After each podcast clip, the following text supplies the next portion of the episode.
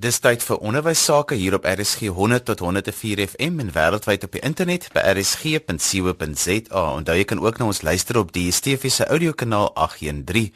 Die program is ons in die onderwys saam met my Johan van Lille. Vandag gesels ons oor disleksie en hoe mense dit in die klaskamer kan hanteer. Nou ek het twee gaste, Sandra Staak en Anel Opperman. Sandra, kom ons begin gou by jou. Vertel my hoe jy betrokke by die veld van disleksie. Goeiedag Johan, baie dankie vir die geleentheid. Ek is die voorsitter en stigter van RADA, die Disleksie Vereniging van Suid-Afrika wat 'n nuwensgewende organisasie is en ek het ook die Staak Griffin Disleksie Toets ontwikkel wat disleksie diagnoseer in kinders. En Anel Opperman, hoe is jy betrokke in die veld? Goeiedag Johan. Ek is deel van RADA, ek is een van die direksielede spesifiek in terme van ehm um, opvoeding en opleiding en dan is ek ook behartig ek ook die webblad van RADA. Nou kom ons begin gesels Sandra, vertel ek gou vir die luisteraars wat is disleksie? Daar's baie um, debatte op die oomblik of daar selfs iets soos disleksie bestaan. So gee vir ons luisteraars net 'n bietjie agtergrond oor dit. Weet jy Johan, disleksie is 'n neurologiese verstoring wat oorerflik is. Dr. Sally Shaywood van jou universiteit het bewys dat dit geen generasie oorslaan nie. Dit het te doen met die verwerking van taal en kinders sukkel om te lees, spel en skryf as gevolg van hierdie neurologiese verstoring in die linker hemisfeer van die brein. Anel, so as 'n mens begin praat oor disleksie in die klaskamer veral, dan is dit nogal belangrik dat onderwysers moet verstaan hoe disleksie werk. Ja, dit is baie belangrik aangesien onderwysers ons eerste linie is om dit in 'n kind te identifiseer gewoonlik. Onthou die onderwyser is die een wat die kind se skryfwerk sien, die kind sien hoe die kind sukkel om te lees. Ehm um, en soms selfs gedragsprobleme identifiseer wat geassosieer is met hierdie kind se vreeslike frustrasie met die leeswerk. Ehm um, hulle identifiseer dit baie keer as heeltemal iets anders. Hulle dink dalk is ADHD of so iets en soms is dit net 'n kind se frustrasie. Hy kan nie lees nie. Hy sukkel om te lees. Hy het regtig 'n probleem. Hy hy spook hiermee en op hy moet op een of ander manier moet hy aandag op homself vestig en gedragsprobleme is baie keer maar die manier waarop hy daai aandag probeer kry. Sandra, wat is die wanpersepsies daar buite oor disleksie? Weet jy Johan, meeste mense glo dat disleksie net die omkering van letters en syfers is. As jy die B en die D, die P en die Q nommer 7 en 2 omruil. Maar daar is egter sewe tipes disleksie en ons kry ook ses verskillende ernstigheidsvlakke van disleksie. En ek dink die wanpersepsie is die ergste is dat mense glo dat 'n kind wat met disleksie gediagnoseer is, dom is en dat hy moedwillig is en net lui is. Ons het verskeie keer professionele persone gehad wat vir ons gesê het, jy weet, 'n kind wat nie wat disleksies is, nie, is net te lui om te lees. En dit is 'n wanpersepsie wat RADA regtig poog om uit die weg uit te ruim in ons land. Want ek wil in dieselfde asem sê Anel, daar is derduisende mense daar buite wat disleksies is, maar wat 'n uiters suksesvolle loopbaan gehad het en wat selfs universiteit is, hulle het dit vir hulle self maak werk. Definitief, definitief. Statistieke sê vir ons dat 1 uit 5, dit beteken ons omtrent 20% van die populasie disleksie tot een of ander mate het. Of dit nou gering is en of dit nogal redelik erg is dat daai persoon regtig sukkel om te funksioneer in terme van lees en skryf. Um wêreldwyd is daar ongelooflike suksesverhale van wêreldberoemde mense wat disleksie het. En ten spyte daarvan uitgestyg het bo die res. So kom ons praat gou die verskillende tipes disleksie. Sandra, jy het gesê daar's sewe verskillende tipes. Ja, ons het drie hooftipes en dan permutasies van die drie ehm um, veroorsaak dit addisionele 4 wat in totaal vir jou 7 gee. Maar jou eerste tipe hooftipe is jou motoriese disleksie of soos ons sal sê disnemkinese waar die kind die lettertjies omruil. En jou tweede hooftipe is jou visuele disleksie of disaidese waar die kind sukkel om sigwoorderkenning te doen. Met ander woorde, hy kan 'n sigwoord nie binne 2 sekondes identifiseer nie. Jou derde hooftipe is jou auditiewe disleksie of disfonese waar die kind glad nie 'n klank en 'n simbool kan integreer nie. Hy kan nie agterkom waar die klanke in die woord is nie, waar die posisie en die orde van dit is nie. En dit is vir hom geweldig moeilik om woorde byvoorbeeld in lettergrepe op te breek. So as ons daai 3 kan kombineer, dan kry jy nog addisionele 4 en dit is baie belangrik dat 'n 'n absolute duidelike diagnose gemaak moet word sodat 'n mens hierdie kinders dan kan help in die klaskamer en ook met terapie na skool. Nou as ons wil kyk na diagnoses, dan is dit nogal belangrik want jy het nou net gesê dat dit moet 'n deeglike diagnose wees. Wie doen dit en hoe werk dit? Veral vir onderwysers want hulle is gewoonlik nou sê jy gesê die eerste linie wat ouers moet verwys. Uit die aard van die neurologie in disleksie is dit slegs professionele persone wat met die Mediese Raad van Suid-Afrika geregistreer is wat opgelei is om hierdie toetse te doen. Ehm um, maar die onderwysers is natuurlik die persone wat dit eers agterkom en dit kan identifiseer in die klas. En daarom het ons nou ook met die ondersteuning van die departement van basiese onderwys Johan gaan ons nou hierdie kursus vir onderwysers begin implementeer in die verskillende universiteite. En ons onderhandel tans daarmee om onderwysers bemagtig bemagtig om disleksie te identifiseer en selfs die verskillende tipes te identifiseer in die kinders se boeke. Want Annel toe ek opgelei is as onderwyser het ons geleer van disleksie, maar I mean dit is ook nou al 23 jaar gelede en die laaste ruk het daar soveel verskillende ontwikkelings in hierdie veld gekom en deurbrake wat gemaak is. Dit is definitief so. Ek dink ehm um, ek self opgelei as onderwyser is ook 'n hele paar jaar terug en hulle raak so ligtelik daaraan. En hulle sê ook soos wat Sandra vroeër gesê het, hulle sê vir jou dis 'n kind wat sy B en sy D omruil en daai basiese tipe goed. Hulle sê nie vir jou van die groot variëteit van diagnoses wat daar is nie. Die groot verskil tussen die verskillende tipes disleksie nie. So dit is vir ons vreeslik belangrik dat onderwysers moet meer inligting kry. Um ons het 'n situasie waar onderwysers 30 jaar skool hou en sê sy het nooit 'n kind met disleksie na haar klas gehad nie en dit was 'n taalonderwyser hoe's dit moontlik? So, ek dink die mense is oningelig, miskien is die kursus gaan te vinnig daaroor. Daar's soveel goeders wat in 'n kursus gedek moet word dat hulle nie genoeg tyd en aandag daaraan spandeer nie. Dit is waarom Rada vreeslik graag betrokke wil raak daarbey om vir onderwysers 'n bietjie meer as net die daar is 'n ding soos disleksie opleiding te gee. Sonder want wat is die tipe opleiding wat sulke onderwysers nodig het? Met ander woorde, wat wat is die aspekte wat aangespreek word tydens so 'n opleiding? Onderwysers sal dan ingelig word presies wat die definisie van disleksie is, die simptome, die die tekens waarna mens moet uitkyk, maar ook wanneer die kind gediagnoseer is en in die klas verskyn, dan weet hierdie onderwysers presies watter akkommodasies om toe te pas want as Rada verteenwoordig ons die disleksiese gemeenskap by die departement van onderwys. En ons woon al die werkswinkels by rondom akkommodasies vir kinders wat sukkel met met leerwerk en en gestremdhede. So dit is vir ons belangrik dat ouers onderwysers weet byvoorbeeld vir so 'n kind vra jy nie om hardop te lees in die klas nie. Jy vra nie vir hom om iets op die bord te gaan skryf nie en jy verwag ook nie van hom om 'n woordeboek te gebruik nie. Ek ken nie eers die volgorde van 'n alfabet van die alfabet nie wat nog te sê van 'n woord met anderste letters, jy weet. So dit is baie belangrik dat hulle al die kentekens, die simptome ken en dit ook dan natuurlik nie verwar met ADHD nie want dit is die die mees algemene diagnose of gevolgtrekking wat geneem word.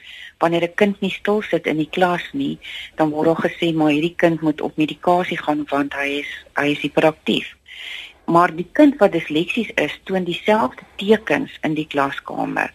Want as jy gekonfronteer word met 'n bladsy Chinese skrif die hele dag dan gaan jy ook nie stil sit nie verseker gaan jy met jou maatjie praat. Jy gaan gereeld die vra om die kamer te verlaat. Jy gaan 'n ander maatjie met 'n pea-shooter skiet vir al wat wat hy weet, maar die belangrikste is is laat onderwysers bedag is op die die bestaan van disleksie in 20% van alle leerders. Jy luister na RSG 100 tot 104 FM en wêreldwyd op die internet by rsg.co.za, ook op die DSTV se audiokanaal 813. Die program is ons in die onderwys saam met my Johan van Lille. Vandag gesels ons oor disleksie in die klaskamer. My gaste hier is kenners is Sandra Staak en Anel Opperman. Sandra, maar die interessante deel altyd vir my is is dat kinders wat in disleksie ly of wat daarteen veg, hulle is gewoonlik baie baie intelligent, maar die instrumente wat hulle intelligensie toets, verwag ook van hulle om te lees en daarom toets hulle baie keer laer, heel wat laer as wat hulle werklike intelligensie is. Dit is absoluut waar, Johan. Ons het byvoorbeeld 'n geval gehad van 'n kind wat 'n IQ van 136 is, met ander woorde superieur intelligent. En hierdie kind kon nie sy eie van skryf nie. En daarom het ek 'n groot probleem daarmee en meeste van ons disleksiese navorsers wêreldwyd is dat IQ-toetse nie kan bepaal of 'n kind disleksies is al dan nie op grond van die feit dat daar van hom verwag word om te lees en te skryf. Ander faktore byvoorbeeld soos sy kreatiwiteitsvlak word glad nie getoets met 'n standaard intelligensietoets nie. En dit is ook 'n probleem want kreatiwiteit is ook 'n vorm van intelligensie. Hierdie mense is briljant. Ons het ook byvoorbeeld so 3 weke gelede 'n volwasse persoon gehad wat skaars skool klaar kon maak en daardie persoon besit die enigste fabriek wat skuurpapier maak in Afrika. Nou wil jy vir my sê daardie persoon is dom want op sy IQ-toets het hy baie swak gevaar. En dit is die hoop wat ons daar buite vir ouers wil gee is dat jou kind beslis nie dom is nie. Dit is presies soos wat jy gesê het Johan, hulle is baie baie begaafd hierdie mense. Is dit nie ook baie keer dat mense dalk sommer net sulke ek noem dit sommer gewoonlik sulke ehm um, garage ehm um, diagnoses maakie want 'n kind draai nou sy BND en uh, jy weet in die laer grade om maar alle kinders gaan deur 'n fase dat hulle wel hulle B's en D's omdraai en 'n bietjie verwar maar dit is wanneer dit voortduur wat 'n mens moet begin bekommerd raak dit is presies so en jy wat heeltemal weet hoe die grondslagfase werk. Baie ouers en onderwysers raak omgekrap as 'n kind sy been sy D omruil in graad 1. Dit is normaal tot en met graad 3. Ons sien dit as 'n probleem sodra dit voortgaan na graad 3. Ons het 'n tabel waar ons volgens ons werk wat die norms is. In graad 1 word 'n kind toegelaat om 5 omkerings te maak graad 2 3 en in graad 3 net 1. Daarna kan dit aanduidend wees van motoriese disleksie. Sandra, jy het 'n toets ontwikkel wat ehm um, kinders met disleksie identifiseer. Wat is die aspekte wat in hierdie toets gedek word? Die eidetiese en fonetiese enkodering en dekodering word getoets, asook as ook grafeem nemkinese toetsing. Dit is die omruilings. Ek het saam met professor John Griffin van Kalifornië in in Amerika gespreek om hierdie toets te ontwikkel want my frustrasie Johan was dat alle toetse wat die kinders mee gediagnoseer word in ons land word ingevoer van het sy Engeland of Amerika. En daar word die kinders al geleer om te lees op die ouderdom van 4 met ander woorde dit was nie gestandaardiseer vir ons Suid-Afrikaanse leerdlinge nie. En nou is ons het ons 'n Afrikaanse toets en 'n Engelse gestandaardiseerde toets wat disleksie kan diagnoseer in die sewe verskillende tipes asook die ernstigheidsvlakke. Anelis ons vir onderwysers moet uh, wenke gee oor hoe om 'n disleksiese leerder in die klaskamer te akkommodeer en veral nou met die groot klasse is onderwysers onder geweldige druk. Wat is die algemene riglyne wat 'n mens vir 'n onderwyser kan gee om sulke kinders te help in die klaskamer? Ja, weet jy Johan, ons besef dit is 'n eislike taak wat vir onderwysers voorlê hulle is oorweldig deur baie van hierdie goed en as hulle dink daar is 'n kind wat addisionele hulp nodig het, dan voel hulle baie keer hulle gaan nie die mas opkom nie. So, ehm um, die basiese ding wat belangrik is, is 'n multisensoriese benadering tot leer. 'n Kind kan nie net sien om te leer nie. Veral jou disleksiese kind, jy kan hy moet sien, hy moet hoor, hy moet voel, hy moet beweeg. So, uh die eenvoudige ding soos die leer van die letter A. Hy moet die letter A sien dan moet hy die letter A hoor. Dan kan hy in 'n 'n sandpit of in speelklei of met speelklei kan hy die letter A vorm sodat daai letter vasgelê word diep waar dit nodig is. 'n Addisionele iets wat 'n onderwyser kan doen. Hierdie kinders hou nie baie van lees nie, so hulle leeswerk kan vir hulle minder gemaak word, maar nou weer dis onderwyser wat die werk moet doen. Ehm um, daar's 'n die buddy stelsel waar jy 'n kind kan sit saam met 'n ander kind net vir daai bietjie ekstra hulp as dit by die lees en daai tipe goeders kom. Verduidelik gou 'n bietjie meer vir ons daarvan. Oor die algemeen kry jy nou 'n kind wat makliker leer lees en vinniger leer lees En dan kry jy die kind wat nou sukkel, jou kind met jou disleksie waarskynlik. Ehm um, plaas 'n disleksie kind langs een wat hierdie vaardighede van lees beter bemeester het alreeds, net om eenvoudige ding soos help daai kind om 'n boek op die regte bladsy oop te maak, want instruksie gaan gewoonlik so maak oop op bladsy 25, ons gaan na paragraaf 2 toe, die derde sinnetjie. As hy net 'n maatjie het wat net vir hom daai beginpunt kan uitwys alreeds, dan voel hy minder gefrustreerd want hy met ten minste waar om saam met hierdie buddy aan te gaan. Sandra van tegnologie maak daarom ook 'n verskil in 'n kind met disleksie se lewe. Verseker, daar is daar soveel tegnologiese hulpmiddels daar buite. Byvoorbeeld as jy die opname pen, die Echo Smart pen vat. Met daai pen kan jy die onderwysers jy kan notas neem en jy kan die op, opname maak van dit wat die onderwyser in die klas sê. En dan saans kan jy dit in jou in jou laptop inplak en jou en jy kan dan jou al jou notas aflaai en jy kan weer herhaaldelik na die opname luister. Ons kinders moet toegelaat word om hierdie tegnologie te gebruik in die klas. iPads, ehm um, en verskillende toeps wat afgelaai kan word en natuurlik hierdie opname penne. Ek dink dit is baie belangrik want dit is nie om onderwysers in 'n moeilike posisie te plaas nie, dit is net om daai disleksiese kind te help en te akkommodeer. Anel, wat is die klagtes wat julle van onderwysers af kry oor kinders met disleksie in die klaskamer? Uh weet jy Jan, ek dink een van ons grootste krisisse wat ons ervaar is daar's die nuwe SIAS beleid het uitgekom. Nou die SIAS beleid handel oor akkommodasies vir kinders met 'n verskeidenheid probleme. En die opleiding is besig om deur te filter na jou distrikskantore toe, na jou skole en sulke tipe goed toe. So baie keer wat gebeur is 'n ouer kom, kind is gediagnoseer met disleksie, hy het die dokumentasie want daar's 'n bepaalde vorm wat ingevul word met die diagnose op. Nou kom hy by die skool en die skool sê maar ons weet nie daarvan nie. Ons het nog nie die inligting nie. Daar bestaan nie iets soos 'n akkommodasie nie. En dit is net oor dat die inligting nog nie by die distrik of by die skool uitgekom het nie. So dit is vir ons 'n vreeslike uitdaging dat ehm um, die kind éventueel sy akkommodasies kry. Kyk, daar's 'n verskeidenheid akkommodasies. Dit kan eenvoudig wees soos 'n bietjie ekstra leestyd. In ehm um, ekstreme gevalle het 'n kind iemand nodig wat die vraestel vir hom lees en wat sy antwoorde neerskryf vir hom. En om hierdie akkommodasies goedgekeur te kry is baie keer die probleem. En 'n kind is geregtig daarop van volgens die beleid in elk geval vanaf graad 1 tot graad 12. So hulle kom baie keer terug en sê maar 'n kind kan nie in die laerskole akkommodasie kry nie wat heeltemal verkeerd is. Die beleid sê hulle kan reeds in die laerskole akkommodasie kry vir disleksie. Anel, julle praat van 'n webtuiste wat kinders met disleksie baie kan help. Vertel bietjie meer vir ons daarvan. Ehm um, daar is twee webtuistes. Die eerste een is Rada se webtuiste. Dit is ehm um, waar ouers kan registreer om Rada lede te te word. Ons het baie artikels wat gepubliseer word. Ons het 'n nuusbrief wat elke 2 maande uitgaan met relevante en nuwe inligting. So dit is nie moeite werd om daarbey betrokke te raak. Dit is ook die webtuiste van die uh, nuwensgewende organisasie en hierdie lede geld wil ons terugploeg in die gemeenskap deur kinders te toets wat nie finansiëel in staat daartoe is om 'n disleksie diagnose toets te laat doen nie.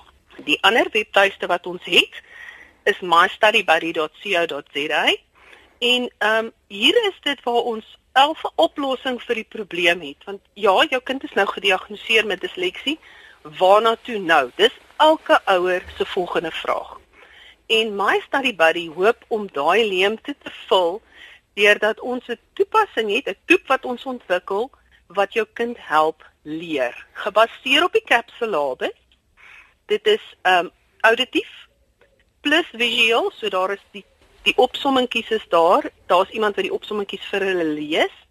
By wiskunde is daar videoetjies wat vir hulle die verskillende tegnieke van wiskunde somme doen leer En waar toepaslik is daar selfs animasies ingesluit om die kind op allerlei vlakke te stimuleer om hierdie leerwerk te bemagtig.